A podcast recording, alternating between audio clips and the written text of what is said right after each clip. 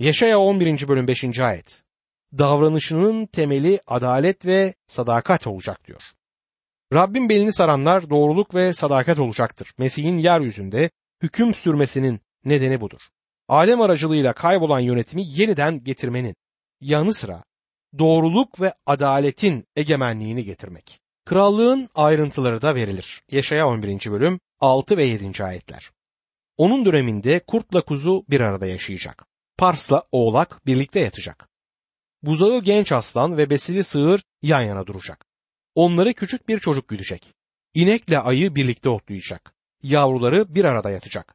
Aslan sığır gibi saman yiyecek diyor. Rabbin yeryüzünde egemenlik sürdüğü zaman içerisinde buzağı ve genç aslan birlikte yatacaklar. Günümüzde birlikte yatabilmelerinin tek yolu buzağının aslanın midesinde olmasıdır. Aslan sığır gibi saman yiyecek diyor. Bu bize saçma gelebilir. Aslanların saman yemediklerini herkes biliyor. Ama çok zeki bir kutsal kitap öğretmeni bir defasında ne yapacağımı size söyleyeyim. Eğer siz bir aslan yapabilirseniz ben ona saman yediririm demişti.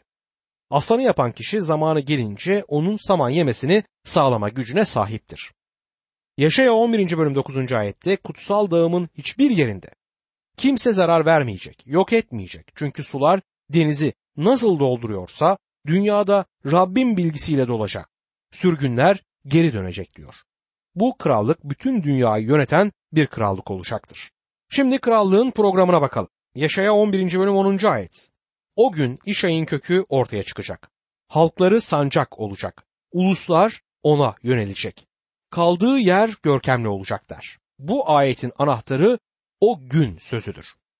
O gün sıkıntı dönemiyle başlar ve krallığa kadar uzanır. Bin yıllık milenyum krallığında Yahudi olmayan uluslarda bulunacaktır. Yaşaya 11. bölüm 11. ayette o gün Rab Asur'dan Mısır, Patros, Kuş, Elam, Şinar, Hama ve deniz kıyılarından halkının sağ kalanlarını kurtarmak için ikinci kez elini uzatacaktır. Tanrı İsrail ulusuna diyarlarını verecektir. Musa kendilerini Mısır'dan çıkarıp Yeşu onları diyara getirdiğinde diyara ilk kez yerleşmişlerdi. Yaşaya 11. bölüm 12. ayet. Uluslar için sancak kaldıracak. Sürgün İsrailleri toplayacak, dağılmış Yahudalıları dünyanın dört bucağından bir araya getirecekler. Bayrak nedir? Ya da sancak nedir? Rab İsa Mesih'ten başkası değildir. Bu yükseltilen bir bayrak olmayacaktır. İsa Mesih o gün dünyanın alçak gönüllülerini heyecanlandırarak toplayan bir merkez olacaktır.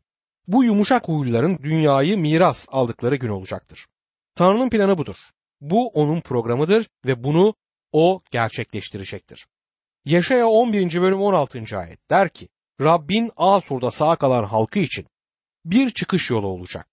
Tıpkı Mısır'dan çıktıkları gün İsraillerin de bir çıkış yolu olduğu gibi. Evet bir yol oluşacaktır ve dünyanın ulusları bu yolu izleyerek Yaruşilim'e gelecekler. Zekeriya 14. bölüm 16, 17 ve 18. ayetler o dönem için bir peygamberlik sözü oluştururlar. Yarışülme saldıran uluslardan sağ kalanların hepsi her şeye egemen Rab olan krala tapınmak ve çardak bayramını kutlamak için yıldan yıla Yarışülme gidecekler. Yeryüzü halklarından hangisi her şeye egemen Rab olan krala tapınmak için Yarışülme gitmezse ülkesine yağmur yağmayacak. Mısırlılar bunlara katılıp Yarışülme gitmezlerse Rab onları da çardak bayramını kutlamak için Yarışlim'e gitmeyen bütün ulusların başına getirdiği aynı belayla cezalandıracaklar. Yeşaya 12. bölüm krallık çağı olan milenyumda Rabbe tapınışın bir resmini verir. 7. bölümde başlayarak 12. bölümde sona eren peygamberlik dizisini izliyoruz. Dizi Tanrı'nın halkına yargısıyla başlamıştır. Yeşaya 11. bölümde krallığın yeryüzünde kurulacağını ve Rab İsa Mesih'in şahsen egemenlik süreceğini gördük. Burada 12. bölümde Doruk'a geliyoruz. Büyük sıkıntı bitmiştir ve yaşamın fırtınalarının hepsi sona ermiştir. Şimdi İsrail krallığına girmiştir ve onların Tanrı'ya tapındıklarını ve şükreden ilahiler söylediklerini göreceğiz. Ve İsrail'i ağlama duvarında değil tapınakta görüyoruz artık. Günümüzde İsrail ağlama duvarındadır. Bu da İsrail'in diyara şimdiki dönüşünün peygamberliğin gerçekleşmesi olmadığının kanıtlarından birisini oluşturur. Bu kısa bölüm bir mezmur gibidir. Hatta bir mezmurdur diyebiliriz. Çok güzel bir mücevheri oluşturur. Burada bize Mesih'in direkt ve kişisel egemenliği altındaki bir halkın övgüleri gösterilmektedir. Kurtarışı ve yaratılışı için kurtarılmış yüreklerden Tanrı'ya saf bir övgü yükseltilir. Yaşaya 12. bölümde. Yeryüzünden lanet kaldırılmıştır ki bu da Tanrı'ya yaratılışında gösterdiği iyiliklerden ötürü övgüler sunmak için yeterli bir nedendir. Sizler ve ben doğanın üzerindeki lanetten ötürü henüz öyle bir şeyi göremiyoruz. Günümüzde doğanın keskin yılan dişi ve kanlı pençeleri var. Krallık çağında ise bu tamamen değişecektir. Kurtarışından ötürü Rabbi nasıl övdüklerine bakalım. Yeşaya 12. bölüm 1. ayet. İsrail halkı o gün Ya Rab sana şükrederiz diyecek. Bize öfkelenmiştin ama öfken dindi bizi avuttun. Yine büyük sıkıntı döneminin başlangıcı ile başlayıp Mesih'in yeryüzünde kuracağı krallığın gelişiyle sürecek olan o gün sözünün kullanıldığını burada görüyoruz. Bu ayet günah gecesinin bitmiş olduğunu ve kurtuluş gününün geldiği düşüncesini dile getirmektedir. İsrail büyük sıkıntısının korkunç gecesini yaşamıştır ve şimdi artık ışık gelmektedir. Büyük sıkıntı bitti ve krallığın esenliği ve sevincine girmişlerdir. Bu övgüler sunulacak bir durumdur. Krallık çağını niteleyen şey saf sevinç olacaktır. Yaşaya 12. bölüm 2. ayette Tanrı kurtuluşumuzdur. Ona güvenecek, yılmayacağız. Çünkü Rab gücümüz ve ezgimizdir. O kurtardı bizi der. Tanrı'nın kurtuluşu sağladığını değil de onun kurtuluş olduğunu söylediklerine dikkat etmenizi isterim. Kurtuluş bir program, bir sistem, bir ayin ya da bir tören değildir. O bir kişidir. Ve o kişi Rab olan Yahve, Rab İsa Mesih'tir. Kurtuluşu için ona övgüler sunuyorlar. Yaşaya 12. bölüm 3. ayette kurtuluş pınarlarından sevinçle su alacaksınız der. Pınarın arkasındaki düşünce bolluktur. Onun kurtuluşu yüreğe tatmin ve sevinç vermektedir. Krallık döneminde büyük bir sevinç zamanı olacaktır ki Rabbin kendisine ait olanlar için isteği budur. Tanrı bizlerin şimdi mutlu olmamızı istemektedir. Kurtuluşumuz sevincimize ve Rabbimize övgü dolu ilahiler söylememize neden olmalıdır. O sevince sahip olana dek onun için tanık olduğumuzu sanmıyorum. Yahova'nın yaratmış olduğu doğa için övgüyü görüyoruz Yaşaya 12. bölümde aynı zamanda. Yaşaya 12. bölüm 4. ayette der ki, O gün diyeceksiniz ki Rabbe şükredin, ona yakarın, halklara duyurun yaptıklarını, adının yüce olduğunu duyurun. O gün tabii ki milenyumdan günün aydınlık kısmından söz etmektedir. Rabbin günü günah gecesiyle başlamıştır. Bizim günlerimiz günün doğuşuyla başlar ama eski antlaşmada günler güneş batarken başlıyordu. 30. mezmur 5. ayetin sonunda gözyaşlarınız belki bir gece akar ama sabahla sevinç doğar der. Milenyum zamanı sevinç sabahı ve kurtuluşundan ötürü Tanrı'ya şükranlar sunma zamanıdır. Ve o kadarla da kalmaz. Yaratıcı olduğundan ötürü ona teşekkürler etme zamanıdır bu. Onun büyük ve engin işlerinin insanlara bildirilmesi ve isminin yüceltilmesi gerekir. Tanrı'nın işleri sadece onun yaratılıştaki işlerini değil, yaptığı her şeyi kapsamaktadır. O gün diyeceksiniz ki Rabbi yüceltin. Burada kullanılan sözcük aslında haleluyadır. Yaşaya 12. bölüm 5. ayet. Rabbe ezgiler söyleyin. Çünkü görkemli işler yaptı. Bütün dünya bilsin bunu diyor. Tanrı harika şeyler yapmıştır. Altı yaratılış günü sona erdiğinde Tanrı işlerine bakıp iyi olduğunu söyledi. Tanrı iyi olduğunu söylediğinde gerçekten iyidir. Bence kusursuz kurtuluş ve günah onu bozmuş olsa bile doğa için ona teşekkür etmemiz iyi olur. Bahçemizde çekirgelerin çitin altını kazıp yuva yaptıklarını ve karıncaların eve girdiklerini görüyorum. Ama bu rahatsız edici şeylere karşın kuşların şarkısı ve çiçeklerin ağaçların güzelliği hala gözler önündedir. Yeryüzü günahla lanetlendiği halde hala güzel. Lanet kalkınca ne kadar daha güzel olacağını bir düşünün. Bugün olduğu gibi o günde Tanrı'ya övgü dolu ilahiler söyleme nedenimiz olacaktır. Yaşaya 12. bölüm 6. ayet Ey Siyon halkı sesini yükselt sevinçle haykır çünkü aranızda bulunan İsrail'in kutsalı büyüktür der. Bu zavallı bir yaratığın Tanrı'ya verebileceği her şey olan haleluyasını sunmasıdır. Kurtulmuş bir canın kalbin çırpınışı ve o nabzın atışıdır. Tanrı'ya olan adanmışlığımızdan söz ediyoruz ama adanmışlığın ne demek olduğunu bilmiyoruz çoğu zaman. O görkemli günde onun anlamını bileceğiz ve o zaman tamamıyla Tanrı'ya adanmış olacağız. Yaşaya 13 Babil'in yükünü anlatır. Rabbin gününde ve yakın gelecekteki yıkım Yaşaya 13. bölümün konusudur. 13. bölüm bizleri tamamen farklı bir noktaya getirir. Ton değişmektedir. 13 ila 23. bölümler çevredeki 9 ulus hakkında yükler taşır. Yük taşıdığınız bir şeydir ve bu yükler Tanrı'nın bu 9 ulus üzerine götürdüğü yargıdır. Yük yerine yargı sözcüğü kullanılabilir burada ve aynı şekilde doğru bir çeviri yapmış oluruz. Bu kutsal kitabın dikkate değer bölümlerinden birisidir. Çünkü içindeki yargı peygamberliklerinin çoğu şimdiye kadar gerçekleşmiştir.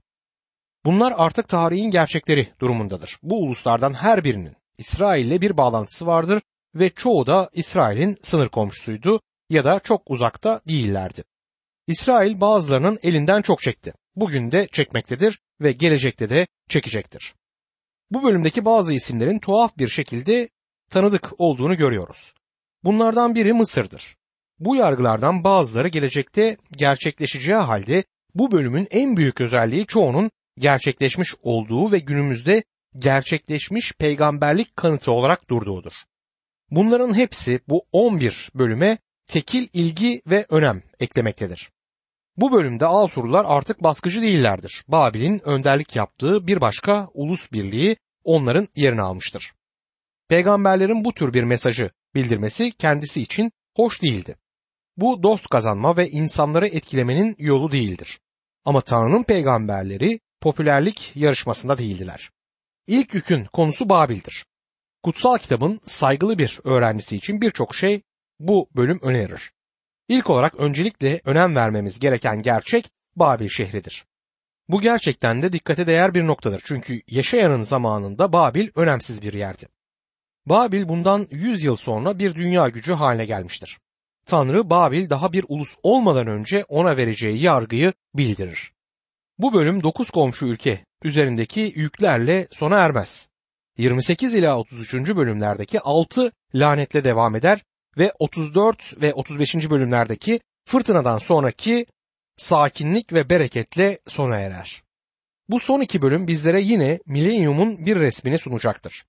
13. bölümde Babil'in Rabbin gününde cezalandırılmasını görmekteyiz. Bunun sonuç olarak gerçekleşmesinin büyük sıkıntı zamanında olacağına inanıyorum. Babil'in Rabbin gününde cezalandırılışı 13. bölümde anlatılacaktır. Yaşaya 13. bölüm 1. ayet. Amos oğlu Yaşaya'nın Babil ile ilgili bildirisi diye başlar. Bu bölüm ve 14. bölümde söz konusu olan tarihteki Babil şehridir. Antik dünyanın en büyük şehirlerinden biri haline gelmişti. Hatta ilk büyük dünya gücü denilebilir ve Daniel'in peygamberliğinde de kendisinden böyle söz edilir. Nebukadnezer Babil'in altın başıydı. İlk büyük dünya gücünün kralıydı. Babil şehri gelecekte yeniden kurulacaktır. Babil, Babil Kulesi'nde başlayan ve dinsel Babil ve politik Babil'in dünyayı yönettiğinde göreceğiz. Vahiy 17 ve 18. bölümlerde biten Tanrı'ya karşı birleşik asiliğin Babil simgesi olacaktır. Büyük sıkıntı döneminde Babil Tanrı'dan gelecek büyük bir yargıyla yıkılacaktır. Bu konudan kutsal kitapta ilk kez söz edilen yer büyük bir olasılıkla burasıdır. Yaşaya 13. bölüm 3. ayet der ki, Rab seçtiklerine buyruk verdi. Onun yüceliğiyle övünen yiğitleri öfkesinin gereğini yapmaya çağırdı. Bu ayette seçtikleri belirli bir araç tarafından kullanılmak üzere ayrılmış olanlar anlamına gelir. Tanrı yiğitlerimi öfkemin gereğini yapmaya çağırdım diyor. Tanrı Babil'i belirli bir amaç için seçmiş ya da ortaya çıkartmıştır.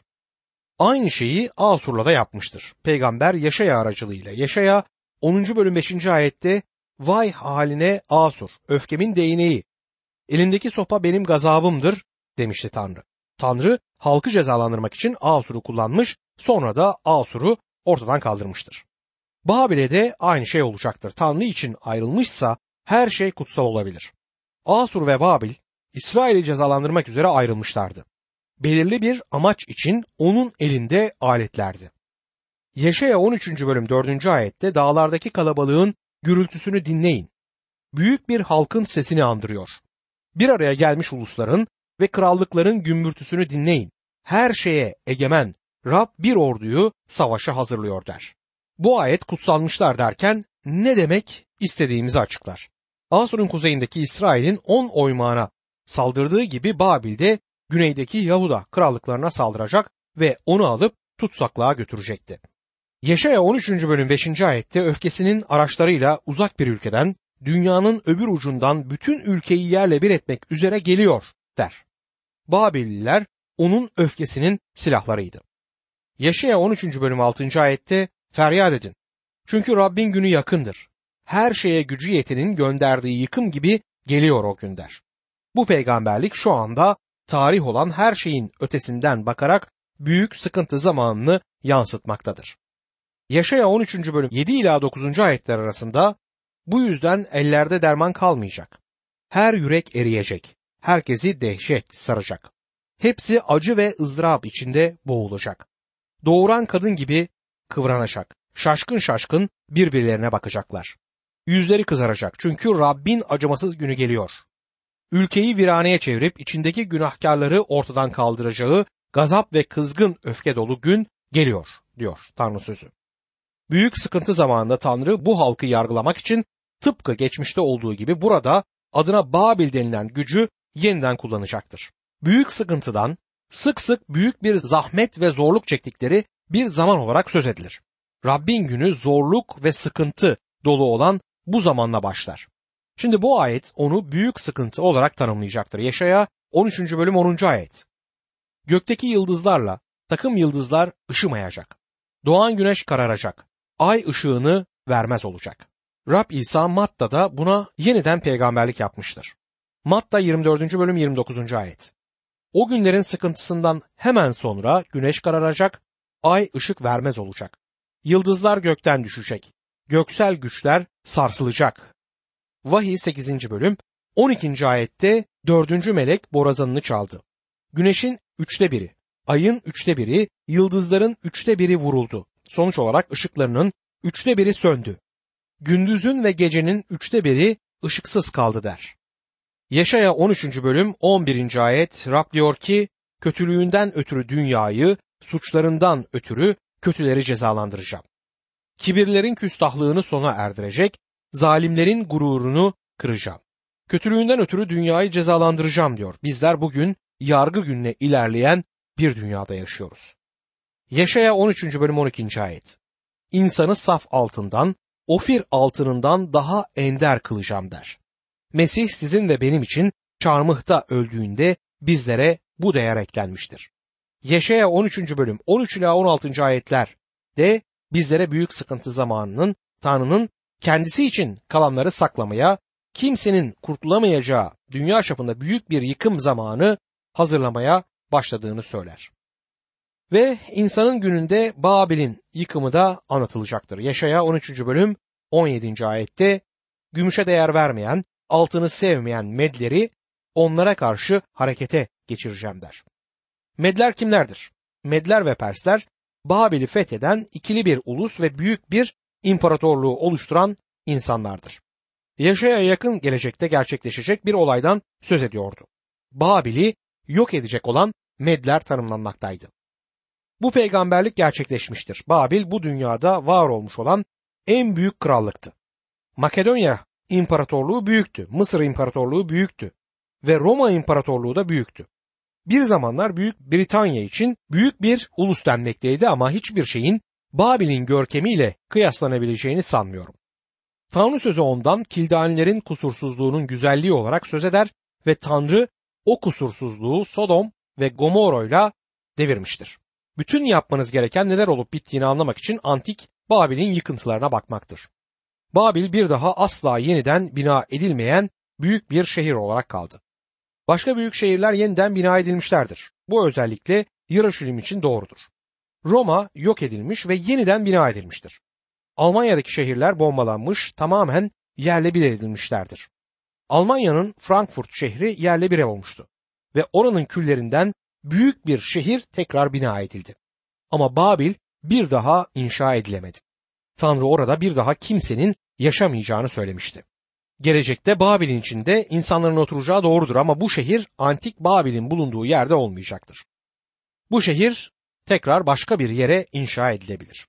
Babil kargaşayı temsil eder ve gelecekteki Babil büyük bir ticaret merkezi, büyük bir dinsel merkez, aynı zamanda büyük bir politik güç merkezi ve yeniden dünyanın eğitim merkezi olacaktır. Yaşaya 13. bölüm 20. ayette orada bir daha kimse yaşamayacak. Kuşaklar boyu kimse oturmayacak. Bedeviler çadır kurmayacak. Çobanlar sürülerini dinlendirmeyecekler. Babil nasıl olup da yok edilip buna karşın son günlerde gerçek bir şehir olarak ortaya çıkabilir. Antik Babil'in antik yeri şimdiki Fırat Nehri'nden 3 kilometre kadar uzaktadır. Nehir Antik Babil kentinin içinden bir kanalla geçmekteydi. Antik yere hiçbir zaman yeniden bir şehir yapılmamıştı ama Babil bir başka yere yeniden inşa edilecektir. Antik Babil'in harabeleri gerçekleşmiş peygamberliğin gerçekçi bir resmi olarak bugün elimizde durmaktadır. Geçmişte Babil'de kazılar yapan birkaç kişi Arapları harabelerin yanındaki kampta tutamadıklarını söylemişlerdi. Araplar her zaman geceyi bölge dışında geçirirlerdi. Çünkü batıl inançları vardı. Tanrı'nın Babil'de çadırlarını kurmayacaklarını çok önceden söylemiş olması çok ilginç değil mi? Yaşaya 13. bölüm 21 ve 22. ayetlerde orası yabanıl hayvanlara barınak olacak. Evler çakallarla dolacak. Baykuşlar yuva yapacak, tekeler oynaşacak orada. Kalelerinde sırtlanlar, görkemli saraylarında çakallar uluyacak. Babil'in sonu yaklaştı. Günleri uzatılmayacaklar. Orası yabanıl hayvanlara barınak olacaktır. Harabelerin arasına aslanların yuva yaptığı gözlemlenmiştir. Yabanıl tekeler orada dolaşacak. Burada yaban keçileri olarak çevrilen sözcük aslında cinlerdir. Ve öbür sözcükte dolaşacak değil, dans edecektir. Babil'de cinler dans edecek. Cinlerin dansına gitmek istiyorsanız gitmeniz gereken yer Babil'dir. Bazı kentlerde şeytana tapan insanlar olduğunu duydum. Şeytana tapan bir kilisenin üyesi olduğunu iddia eden bir genç adam bir gün bizim kilise toplantımızdan sonra yanıma gelip bana çok öfkeli bir şekilde saldırdı. Cinlerin gerçek olduğu konusunda ısrarlıydı ve onlara taptığını söylüyordu. Cinlerin gerçek olduğu konusunda ona hak verdim. Ama onlara tapmak konusunda kendisini uyardım. Sonra ona hiç cinlerle dans edip etmediğini sordum. Bana hayretle bakıp hayır dedi. Bunun üzerine ona onların nerede dans ettiklerini söyledim. Ona cinlerin Babil'in harabelerinde dans ettiğini aktardım.